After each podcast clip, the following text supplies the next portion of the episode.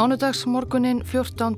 februar 2005 var um flest venjulegur í lífi Rafiks Hariri, fyrfirandi forsætisráð þeirra Líbanons. Hann vaknaði snemma í glæsilegri afgýrtri villusinni sem hann hafði auðvitað látið byggja sér sjálfur og fekk sér jógurt í morgumatt. Hann var í aðhaldi. Upp úr hálf 11 held hann af stað á líbanska þingið. Hann hafði sagt af sér sem forsætisráð þeirra fyrir þremur mánuðum en hann var enn virkur þáttakandi í stjórnmálum. Eins og alltaf fór hann hvergi nema í fyllt sveitar lífvarða, það gerðu flestir líbanskir pólitíkusar. Það var reynslan að hættan gatt leinst hvar sem er. Þegar Rafi Kariri kerði um Beirut gerði hann það í bílalest með sérbúin sjúkrabíl ef allt færi á versta veg. Sjálfur ógan svörtum brinnvörðum Mercedes, sjálfur. Þrátt fyrir allt fyldarliðið kerði hann sig ekki um þjónustu bílstjóra.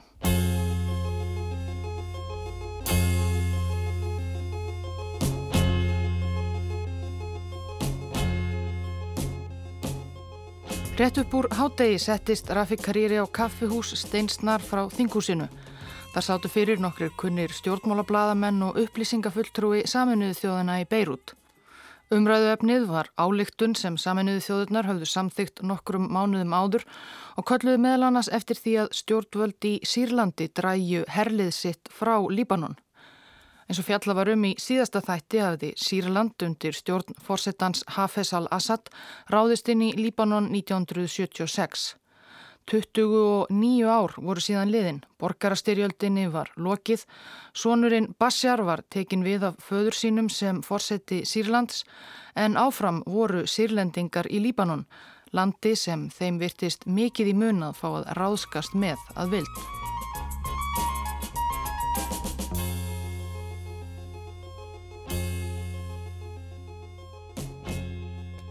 Við skildum við Rafi Kariri í síðasta þætti þegar stríðið var enn í gangi árið 1982. Þá var Hariri orðin einn auðugasti maður heims á verktakastörfum fyrir konungsfjölskylduna í Sáti Arabíu en snýri svo aftur til stríðshrjáðs heimalandsins.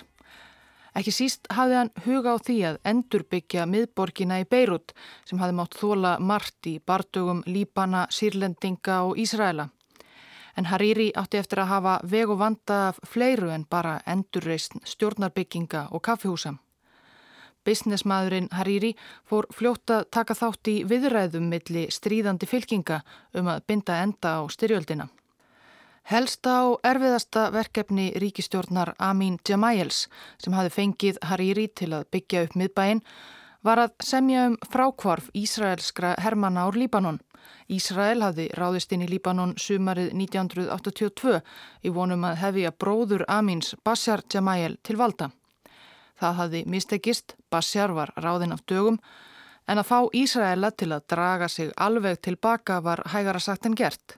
Ísraelar neituðu að fara frá Líbanon nema sírlendingar færu líka og það vildi Assad sírlandsfósetti alls ekki gera.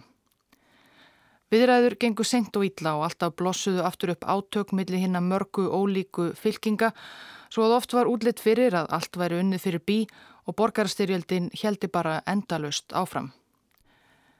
Eins og yðurlega með Líbanon voru Erlend ríki þó alltaf jafn fús að blanda sér í herleheitin og þar á meðal voru stjórnvöldi Sáti Arabíu sem vildu reyna að miðla málum millir deiluæðila og eftir að hafa byggt villur og hótel fyrir sátísku konungsfjölskylduna árum saman var Rafik Hariri orðin henni svo náinn að hann varði raun útsendari þeirra í málefnum Líbanons, tók sem slíkur þátt í viðræðum og talaði þar máli auðugasta lands Arabaheimsins. Hann beitti svo auðafum sátakonungs og sínum eigin óspart, oft voru það jú bara peningarnir sem töluðum. Hann reyndi til dæmis einu sinni að kaupa sér velvild hjá sírlenskum stjórnvöldum með því að byggja mikla glæsihöll handa Assad forsetta í Damaskus en Assad reyndar reyndist ekki mjög hrifin af henni og let breyta henni í hótel. Þegar Hariri þurfti einhverju sinni að komast snarlega til Damaskus frá Beirut með nýja samningstillugu, það er um 100 km leið, þá ringdi henni í bandaríska sendiráði í Beirut og baðum að fá lánaða þyrlu Þegar honum var neitað um það, það væri aðeins floknara en svo maður geti bara ringt í sendiráðið og fengið þyrlu. Þá spurði Hariri hvort hann geti ekki bara fengið kifta bandaríska herþyrlu, jável þrjár. Það fekk hann heldur ekki. Einn ráþurra í stjórn Amin Stjamæjel myndist Hariris á þessum tíma. Hariri hafði virkileg völd. Þegar hann talaði þá var það í raunum veru fatt sátakonungur að tala. Hann komið hugmyndir sem voru ákveðnar og sagði þetta er það sem fatt konungu vill. En það sem fatt í raun vildi var það sem Hariri sagðunum. Fatt hafði auðvitað engan áhuga á smáatriðum. Hariri vingaðist við alla. Alltaf var eina leika hlutverk sáttasemjara og ná samkómulegi. Eins og með margt annað í líbansku samfélagi er umdelt hvað vakti fyrir Rafik Hariri á þessum tíma. Vildi hann ekki bara koma á friði svo að hann og fyrirtæki hans gætu grætt á tá og fingri á endurreysn miðborgar Beirut. Það segja sumir.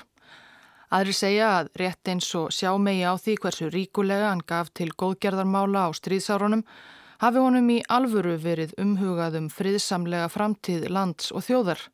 Einn bladamæður myndist þess að hafa komið að honum grátandi á hótelherbergi eftir eina samningatörnina. Hvers vegna gæti þetta fólk ekki komist að samkómulagi spurðan og hægt að eidilegja landiðans?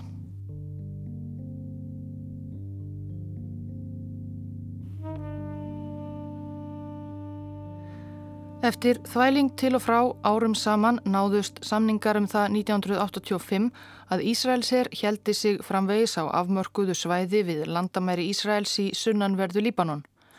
Svo tókst Hariri og félögum að koma að samningaborðinu leðtóum þeirra þryggja helstu vígafylkinga Líbana sem þá bárust á banaspjótum. Það var sósjalistaflokkur Drúsa undir stjórn Valíts Djungblatt, sá var sonur Kamels Djungblatt sem var leðtói Drúsa í byrjun styrjaldarinnar en hann hafi þarna verið ráðin af dögum og fylking síamúslima, Amal Hreyfingin og svo hersveitir líbanskra Kristina sem nú voru leittar af Eli Hóbeika. Viðræður þessar báru árangur og samningur þeirra á milli var undirritaður í desember 1985 í Damaskus, höfuborg Sýrlands. Hann mælti fyrir vopnallegi strax og fríðarsamningi innan árs, en snerist svo eins og fundarstaðurinn gaf kannski til kynna í ansi mörgum atriðum um framtíðar hlutverk sírlendinga í Líbanon sem skildi vera stort. Í upphafi hafði yngripp sírlendinga í Líbanons núist um að vernda líbanska kristna gegn uppgangi palestinumanna og bandamanna þeirra, muslima og drúsa. Það var í það minsta ástæðan að nafninu til. En síðan hafðu málinn snúist við. Flestir kristnir líbanar snúið baki við Damaskus en ráðamenn þar tekið upp samstarf við muslima og drúsa þessi stað. Eli Hobeika, leðtogi kristnu hersveitana, Undirritaði því samninga þessa með semingi og í óþökk flestra kollega hans í framvarðasveit Kristina Líbana. En Rafik Hariri hafði varið mánuðum í að samfæra hann og ansi miklu fjö. Allt var þetta þó til einskis. Óanægjan heimaferir var slíka trúbræður Hóbeikas réðust gegn honum og hann misti stjórn á eigin hersveitum. Ófriðurinn hósta nýju aðeins þremur vikum eftir samningana í Damaskus.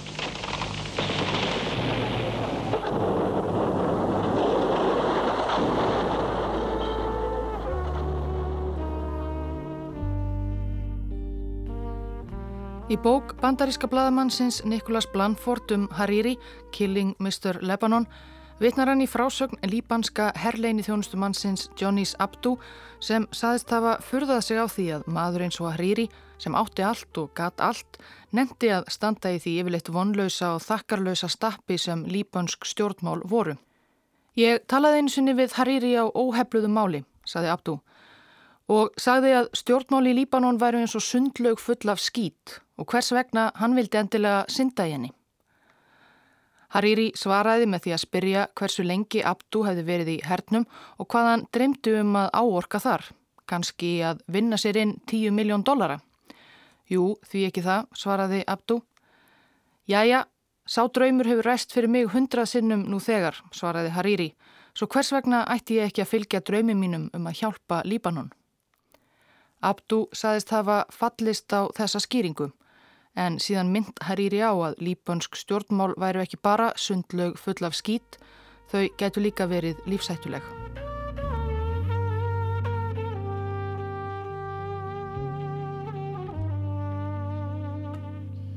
Amin Gemayel let af ennbætti fórsetta Líbanons í september 1989.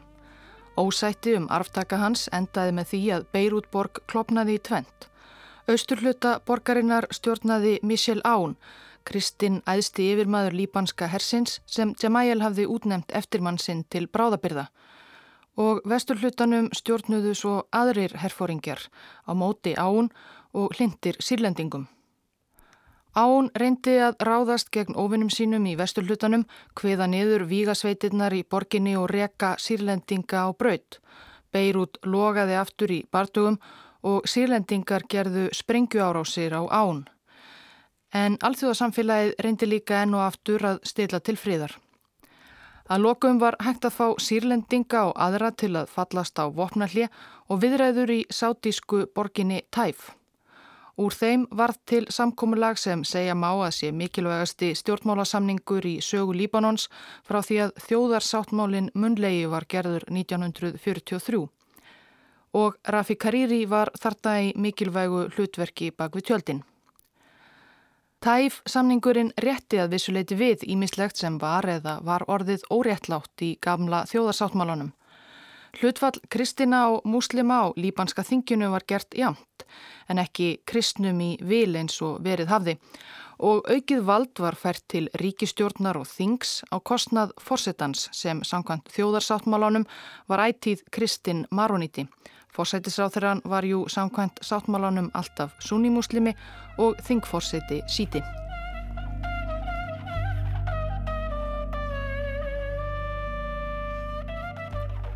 En eitt sem tæf samningurinn gerði ekki var að binda enda á veru sírlendinga í Líbanon.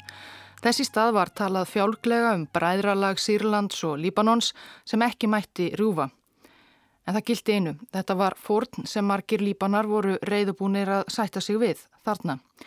Því tæf samningurinn markar upphafið að endalokum líbönsku borgarastyrjaldarinnar sem hafi staðið meir og minna frá því vorið 1975. Reyndar heldu bardagar hér og þar áfram og síðustu vígasveitinnar lögðu ekki niður vopn fyrir en vorið 1991. Þá hefðu á bylinu 120 til 150.000 manns beðið bana í styrjöldinni, ótal slasast og ótal líbanar flúið land.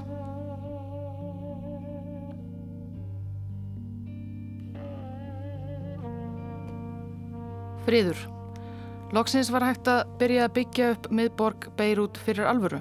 Loksins gæti Rafik Hariri dreyið fram stóra líkanið sitt af nýri miðborg sem kunningjar vittnuðu um að hann dragnaðist með hvert sem hann fóra og meðan stríðið geysaði enn. Og fyrirtæki hans gáttu hafist handa. Það gerðu þau sannarlega.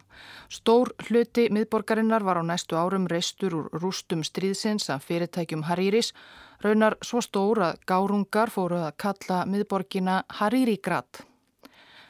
En Hariri sjálfur var þarna reyndar komin með hugan við annað en bara byggingaframkvæmdir.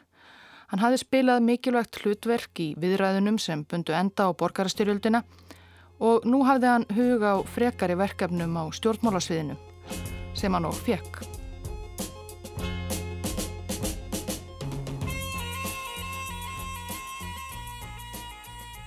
Í oktober 1992 var Rafik Hariri orðin forsætisráð þeirra Líbanons með velþóknun Hafezar al-Assad sírlandsforsetta. Segja má að Assad hafi verið eini sigurvegari líbönsku borgarstyrjaldarinnar, var ekki aðeins með fjölment herlið í landinu enn, heldur drottnaði hann nú í raun yfir líbönsku þjóðfélagi. Það voru fáar mikilvægar ákvarðanir teknar í líbanska stjórnkerfinu á þessum tíma án þess að fyrst veri farið í heimsókn til Damaskus. En Rafik Hariri var þó sinn eigin herra og tók til við að stjórna ríkistjórn sinni á svipaðan hátt og hann stjórnaði fyrirtækjum sínum eins og ríkistjórn Líbanons var enneitt fyrirtækið sem bæri nafn hans. Þannig vildi hann oft komast hjá því að þurfa eiga við hægfara skrifræðiseggi í hinnum ímsu ráðuneytum í kappi sínu við að endurreisa landið og stopnaði því ímis ný fyrirtæki og hálf ofinperar stopnanir til að vinna verkefni ráðuneytana. Bladamaður nokkur lísti þessu svona. Hariri upplifuninn á sér engin fordæmi í Líbanon. Í fyrsta sinn frá sjálfstæði er allt frá gengi gjalderisins til efnahagsins almennt, enduruppbyggingar, lífskjara, ramags, vats og símkerfis, allt er tengt fósætisráðuneytinu sem er svo tengt Rafik Hariri. Hariri upplifunin bara árangur. Beirut reys smátt og smátt úr rústum stríðsins, efnahagurinn fór að taka við sér, eða já, svona fyrstum sinn. Uppbyggingin mikla kostaði nefnilega sitt. Á fyrsta tímabili Hariri sem forsætisráð þeirra 1992 til 1998 markfölduðust skuldir Líbansks ríkisjóðs úr einum og halvum miljardum dollara þegar hann tók við ennbætti í 18 miljardar 1998. Verðlag hækkaði lífsgæði almenningsversnuðu og bylið millir ríkra og fátækra var breyðara. Jú, kannski voru einhverjir sem nutu góðs af enduruppbyggingunni en stór hluti líbana bjó undir fátækramörkum í ömurlögum fátækrakverfum með lélegt aðgengi að ramagni og grunn hreinlæti. Þeir fjölmörgu líbanar sem höfðu flúið landið á stríðsárunum sá litla ástæðu til að snúa aftur og enn fleiri fluttur reyndar úr landi á þessum árum í leitað betra lífi. Hariri átti líka í stöðugum erjum við samstarfsmenn sína í ríkistjórn. Rafík var eins og jarðýta vinnualki sem aldrei svaf. Myndist einn ráþeira í stjórn hans. En hann var ekki með þessa tilfinningu fyrir stjórnmálunum. Hann held að ríkistjórn væri eins og fyrirtæki, það sem hann þyrti bara ít á takka og eitthvað gerðist. En ríkistjórn virkar ekki þannig. Hann áttaði sig ekki á því að það að vera í ríkistjórn þýðir að maður verður að fara bíl bekja. Hann var óreindur stjórnmálamadur. Hann hafði enga hugmyndum lög og reglugerði ríkisins. Hann reynda að stjórna eins og í Sátiarabíu, þar sem konungurum fyrir skipar það sem honum sínist. Margir hafa sagað Rafi Kariri um spillingu á stjórnaltíðsinni að hann hafi bara viljað hagnast á fósætisráðanettinu. Aðrir hafa bent á að Hariri hafði enga þörf fyrir slíkt. Hann var þegar með auðugustu mönnum heims þegar hann fór út í þessa ringavillisum. Á nefa þreifst þó spilling á stjórnatíðans þegar peningarnir flættu í allar áttir og spilling hefur einlega alltaf einkent líbansk stjórnmál. Og sírlendingar tóku svo virkan þátt í henni. Sýrlenskir kaupsíslumenn grættu á tá og fingri á ýmsum misvafasömum viðskiptum í Líbanon. Háar fjárhæðir úr vösum líbanskra skattgreðenda runnu beint til sýrlenskra herfóringja Og svo blómstræði líka eiturlefja bransinn sem aldrei fyrr á þessum tíma. Líbanskur jarðvegur hendar nefnilega ágætlega til ræktunar bæði á kannabisplöntu og valmúa.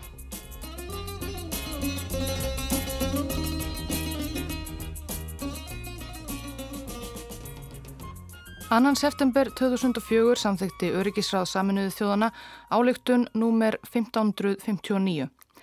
Nýju ríki kusu með, sex sátu hjá. Yfirskrift álíktunarinnar var bara ástandið í miðusturlöndum en hún snýri fyrst og fremst að Líbanon. Í henni var kallað eftir brott för alls erlends herliðs frá Líbanon, Ísraelsks og Sýrlensks.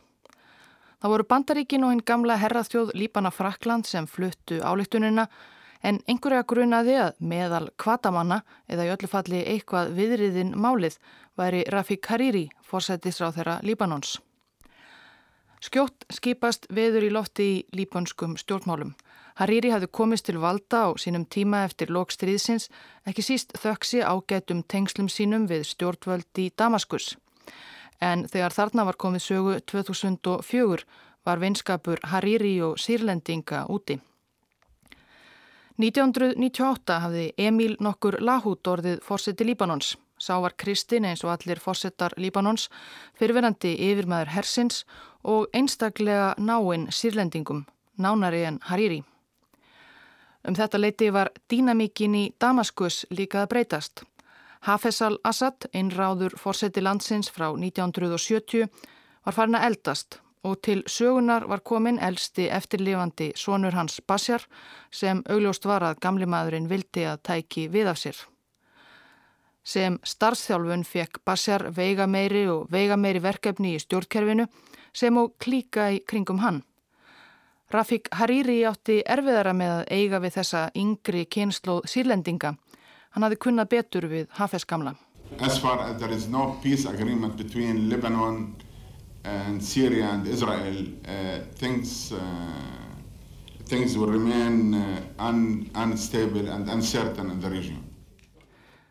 Til að gera langasögustutta varð sambandið sífælt styrðara og Hariri verð og verð við stöðug afskipti sírlendinga af líbönskum málum. Emil Lahut fósetti gerði svo 1998 sinn mann að nafni Selim Al-Hoss fósettisáþura svo Hariri lúpaðist frá völdum. En hann var reyndar ekki lengi í burtu. Al-Hoss þessum tókst ekki að leysa gífurleg efnahagsvandamál Líbanons, ekki fyrir ekkar en Hariri svo sem, og hann varði ekki vinsell, svo að í næstu kostningum árið 2000 var Hariri endurkjörin fósættisáð þeirra.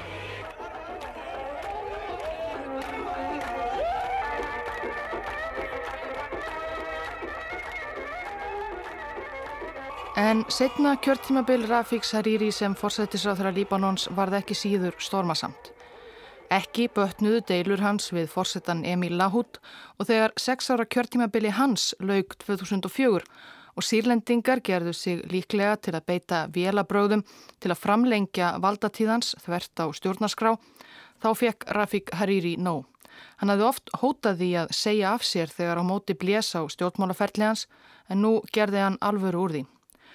20. oktober 2004, rúmum einum og halvum mánuði frá því að Öryggisráð saminuðu þjóðana samþykti áðurnemda áleiktun 1559, sagði Rafik Hariri af sér sem fórsættisráð þeirra Líbanons, hafandi gengt því ennbætti meir og minna frá 1992.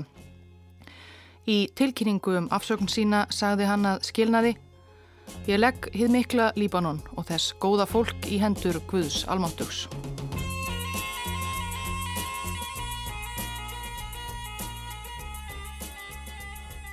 En trátt fyrir þessi dramatísku orð hafði Hariri ekkert gefist upp á stjórnmálum þó hann hefði fengið sig fullsatt af Lahut fórsetta, Bashar al-Assad fórsetanum unga í Sýrlandi og félögum þeirra. Nú gekk hann einfallega til liðs við stjórnaranstöðuna, andstæðinga afskipta sírlendinga í Líbanon. Hann var áfram atkvaða mikill karakter í líbonskum þjóðmálum og hann ætlaði sér að komast aftur að kjötköllunum. Það voru jú kostningar á dagskrá í mæ 2005.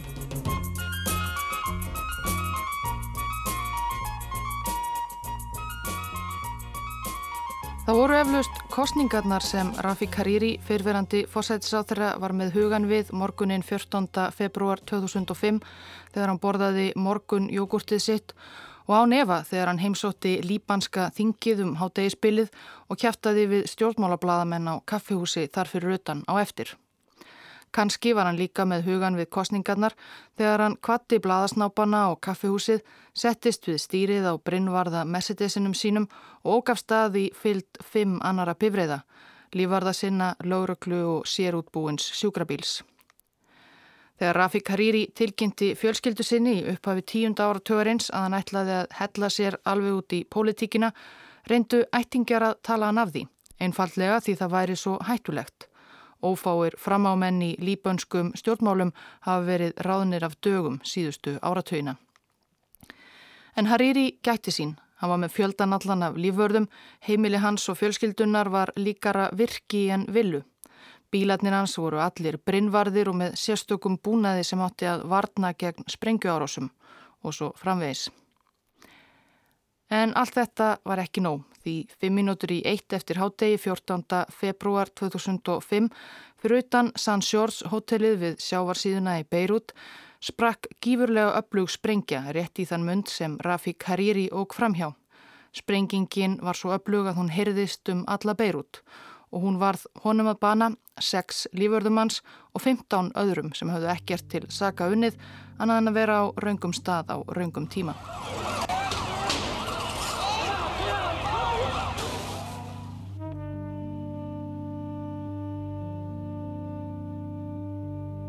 Nokkurum klukkustundum eftir sprengju árásina við sjáarsíðuna þegar enn var verið að hugaða slösuðum barst rittstjórn arabísku fréttastöðvarinnar Al Jazeera í Beirut ábendingum að leitað vídeospólu við ákveði trí á ákveðinu torki miðsvæðis í borginni. Frettamæður hjælt af stað og hún hjekk þar vissulega spólan, bundin í grein.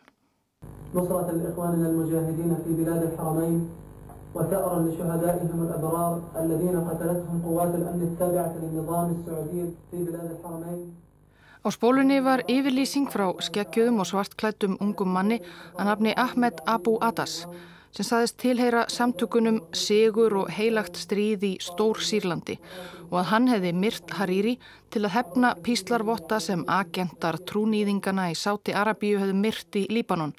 Hariri hefði með samkrulli sínu við sátísk stjórnvöld svekið íslamska trúbræður sína. Engin hafði nokkuð tíman heyrt á samtökin Sigur og heilagt stríð í Stór Sýrlandi minnst. Fjölskylda Adas þessa, sem var 22 ára sunnimuslimi af palestínskum ættum, hún kom af fjöllum að hann hefði verið einhver öfgamaður, hvað þá hriðjuverkamaður og morðingi. Málið þótti svo alvarlegt að saminuði þjóðurnar sendu útsendara sína til að rannsaka sprengju ára á sinna.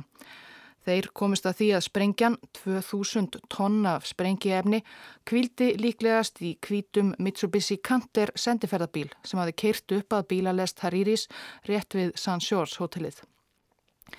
Sendibílnum komust rannsakendur að hafi verið stólið í Japan nokkru fyrr, svo endað einhvern veginn á bílasölu í Trípoli í Líbanon, þar sem að bílasalinn sagði að tveir frekar dularfullir menn hefðu kiftan eftir að hafa prútað verðið talsvært niður og borgaði reyðufjö. Nýðurstaða sérfræðinga saminuðu þjóðana var að hver sá sem var við stýrið á Mitsubishinum hann hafi verið ansi slingur bílstjóri að geta komist í gegnum þunga hádegistrafíkina í miðborg Beirut alveg upp að Mercedesnum sem Hariri kerði eftir sjávarsíðunni og sprengja svo sprengjuna á háréttu augnabliki. Eitt vandamálið var þá að allir sem þekktu Ahmed Abu Adas vitnuðu um að hann kunni alls ekki að keira. Hann kunni ekki einu svona hjóla. En sá hafi tekið örum framförum í ökunámi þá. Og DNA-rannsókn á öllum þeim fjölmörku og mistættu líkamsleifum sem sprengju ára á sinn skildi eftir sig, já þar fundust engin ummerki um Ahmed Abu Adas. Rannsókn saminuð þjóðana var annars eins og umfangsmesta sem svo stopnun hefur ráðist í. Vísindamenn saminuðu þjóðana kortlögðu hverja einustu líktæju sem fannst á vettvangi og báru saman við þau sem vitað var að týndu lífi, þessi 22. Þannig gáttu þau púslað saman því sem eftir var af þeim sem líklega hafi verið bakvið stýrið á Mitsubishi sendibílnum. Það var ekki Ahmed Abu Adas, en saminuðu þjóðunar hafðu ekki mikið í höndunum heldur. Nefna eitt nef. Nef árásamannsins var að mestu óskattað og var síðan varveitt af rannsakendum saminuðu þjóðana. En hver átti þetta nef og hverra erinda gekkan?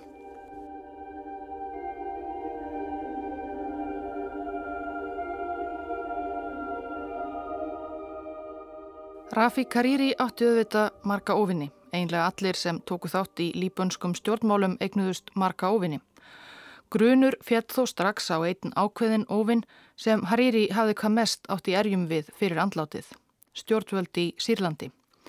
Þau höfðu aldrei vilað fyrir sér áður að myrða líbanska stjórnmálamenn. Morðið á Hariri vakti Nexlan í Líbanon. Sprengju árásinn var mest að blóðbað sem sérst hafði í Beirut frá lokum borgarastyrjaldarinnar og margir hafðu gert sér vonir um að dagar bílasprengja og tilræða væru liðnir. Sama dag og Hariri lést sapnaðist mannfjöldi saman í Beirut og trópaði slagorð gegn Assad Sýrlandsforsetta á stjórn hans, Sýrland burt. Rannsakendur voru rétt að hefjast handa en margir voru fullvissir um sekt sírlendinga. Valid Djúmblatt leðtói sósélista flokks Drúsa sem hafi verið orðineitt nánasti samherji Hariris í andstöðunni við sírlensk áhrif í Líbanon og líkt og Hariri hafði hann einu sinni verið með sírlendingum og svo á mótið þeim. Djúmblatt fullirti skömmu eftir morðið á félaga sínum að Assad hefði hótað Hariri persónlega. Það hefði gerst haustið 2004 áður en Hariri sagði af sér þegar hann neytaði að samþykja það að sírlendingar letu Emil Lahut, sinn mann, sitja lengur á forsetastóli þvert á stjórnarskrá Líbanons. Assad mun hafa sangat því sem Djumblatt sagði að Hariri hefði síðar sagt honum sagt að Lahut væri hans og ef hann ætlaði að reyna að íta sírlendingum út úr Líbanon myndi hann eiðileggja Líbanon eins og Assad orðaði það. Þegar ég heyrði þetta, saði Djúmblatt svo, þá vissi ég að það væri búið að dæma hann til dauða.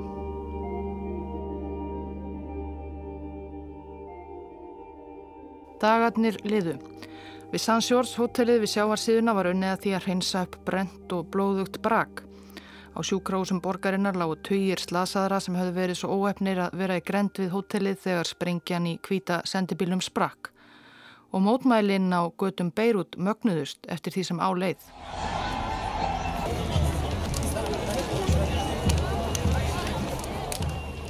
Setrusbyltingin er nafnið sem hún fekk á Vesturlöndum í ætt við Rósabyltinguna í Georgíu 2003 og Appelsinugulubyltinguna í Ukrænu 2004-05. Setrustrið er þjóðartákn Líbana í miðjum líbanska fánanum. Líbanar sjálfur kalla þetta þó sjálfstæðisbyltinguna.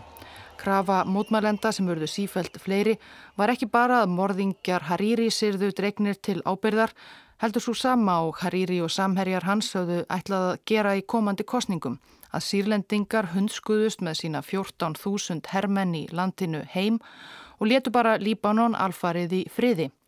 Hægt er þið að halda kostningar í mæ án nokkura afskipta frá Damaskus. Annað eins hafði sjaldan sést í Líbanon. Þarna komu saman ungi sem aldnir úr öllum hinnum fjölmörgu þjóðfélagshópum landsins, fólk með ímsar stjórnmálaskoðanir, fólk sem kannski ekkit endilega hafði dýrkað Rafik Hariri, fólk sem kannski einu sinni hafði verið svartnir fjendur en fannst nú nóg komið. Littla Líbanon skildi verða sjálfstætt ríki en ekki sírlenskt skatlan.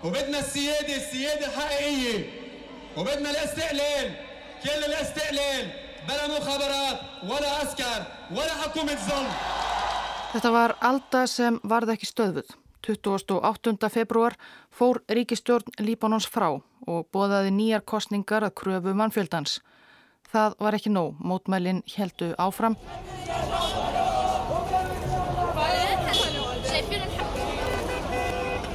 Og alþjóðasamfélagið fór að blanda sér í málið. Ráðamenn á Vesturlöndum kalluðu eftir því að áleiktun öryggisráðsins nr. 1559 erið framfyllt. Allt erlend herlið út úr Líbanon. Þetta var eftir 11. september, eftir Íraksstríðið og Sýrland, annað vafasamt arabíst einræðisríki, var almennt ekki vinsælt hjá vestrænum leðtogum. Þrýstingurinn jógst og svo gerðist það nokkuð sem lengi hafi verið næstum óhugsandi í april 2005. Bashar al-Assad sílandsfósetti fór að draga herlið sitt í Líbanon tilbaka.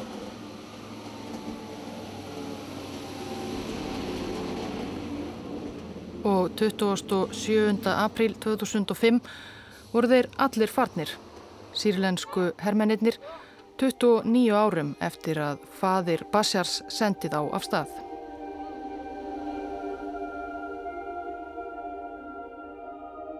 En hver var það sem myrti Rafik Hariri? Í fyrstu skýrslu rannsakenda saminuð þjóðana var niður staðan að það veri ómögulegt að segja til um það. Rannsóknin helt og áfram, skýrslur voru gefnar út á skýrslur ofan og þó var fátt um eiginleg svör. Böndin bárust til Damaskus vissulega en ekkert viltist fast í hendi og svo sannarlega var enginn dregin til ábyrðar. Stjórnvöld í Damaskus stóðu keik.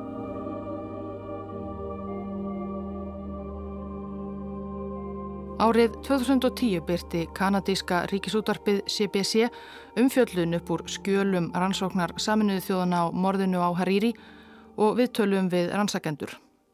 Sangat þessari umfjöllun hafði rannsóknin lengst af helst einnkenst af, eins og það var orðað, hugleysi, tregðu, skriffinsku og vanhæfni. Þá hefði á fyrstu stigum rannsóknarinnar líbanska lögreglan náð hvað mestum árangri. Sérstaklega ungur tölvusérfræðingur lauruglunar, Vissam Eit, sem fekk upp á sitt einstæmi þá hugmynd að fá gögn frá símafyrirtækjum til að kortleggja farsímanótkun í nágrenni Hariris. Ekki bara daginn sem hann var ráðinn af dögum, heldur rak Eit sig á endanum nokkra mánuði aftur í tíman, síðan Hariri sagði af sér fórsætisráþara ennbætti. Þannig að Eit sínt fram á að einhverjir einstaklingar með farsíma hafðu ekki bara verið nálegt vettvangi glæpsins, heldur hafðu þeir fyllt Hariri eftir vikum saman. Þetta var fólk sem notaði fyrirframgreit naflaus símanúmer. Eitt gæt líka kortlagt hverja þessir hafðu verið í sambandi við í símum sínum, þannig fann hann fleiri númer sem hafðu fyllt Hariri eftir eða vöktu grunnsemdir hans á annan hátt. Hann gæti séð til dæmis að einhverjir þessara símamanna höfðu verið í Trípoli þegar bílasala þar í borg seldi nokkrum dularfullum náungum með reyðufið kvítan sendibíl og að nákvæmlega augnablíkið sem Mitsubishi bílinn sprakk rétt við St. Shores hotellið þennan blóðuga valentínusardag hættu samstundis öll samskipti milli farsímanna. Eitt fóruð endingu með gögn sín til rannsagenda saminuðu þjóðana en það samstarf komst ekki langt því janúar 2008 lést Vissam 1.31 ás þegar bílasprengja sprakk nærri honum þar sem hann ógum götur austanverðarar Beirut. Ekki sá fyrsti sem fjall á þennan hátt og ekki sá síðasti. En saminuði þjóðirnar tóku gögnin. Eitt hafði þá þegar tekist að tengja mörg naflausu númerinn við alvöru fólk með því að bera saman ferðir símamannana við aðra farsímatrafík í Beirut. Því ef maður er samsærismadur með auka síma fyrir skipulagningu myrkraverka þá ámaður samt öruglega annan síma fyrir samskipti við vini og fjölskyldu og líklega fer maður um með báða símana á sér svona ef skeið kynni og þá er auðvelt fyrir réttamannin með réttu gögnin að sjá að hér eru alltaf tveir símar sem virðast vera á sama stað. Eitt gatt þannig þefað uppi all nokkur nöfn og flest öll tengdust þau á einhvern hátt ekki Sýrlandsstjórn heldur öðrum óvinnum Harírís.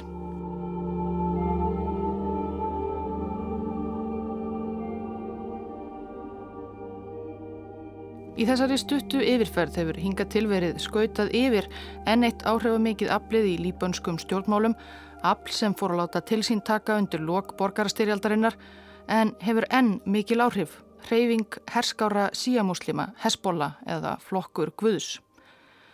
Hesbóla var hugarfóstur ágafullra síaklerka sem vildu berja á Ísraelunum sem hefðu komið sér fyrir í söður hluta Líbanons í styrjöldinni og hreyfingin hafði ættið notið góðs af stuðningi síja trúbræðara sinna í Íran. Því alþjóðlegri deilu eins og líbanska borgarastyrjöldin vissulega var þar sem finnam á Ísrael og Sýrland þá er Íran sjaldan langt undan. Með tímanum hafði Hesbóla orðið miklu meira en bara einhver víga eða trúarsamtök var þarna orðið í raun einskonar ríki í ríkinu. Rak fjölmiðla og skóla og félagsþjónustu fyrir síjamúslima og var þótt að það væri sumstaðar á Vesturlöndum á lista yfir hríðiverkasamtök viðurkent stjórnmálaabli Líbanon með þingmenn á líbanska þinginu. Samskipti Harírís og Hesbóla hafðu verið upp og ofan. Stöðugur hernaður Hesbóla við Ísraelsríki stóði vegi fyrir draumi Harírís um að gera Líbanon aftur að friðsamlegri fjármálamiðstöð. En þó varði hann á stundum framtak hreyfingarinnar við að setja ofan í við óvinnin í suðri. Á endanum var þó fjandseminn ofan á, kannski ekki síst því Hesbóla naut líka mikils stuðnings sírlandstjórnar. Hesbóla er ekki þekkt fyrir að sína óvinnum sínum mikla miskun. Vor það kannski þeir sem drápu Hariri, ekki einhver fyrirskipun frá Damaskus.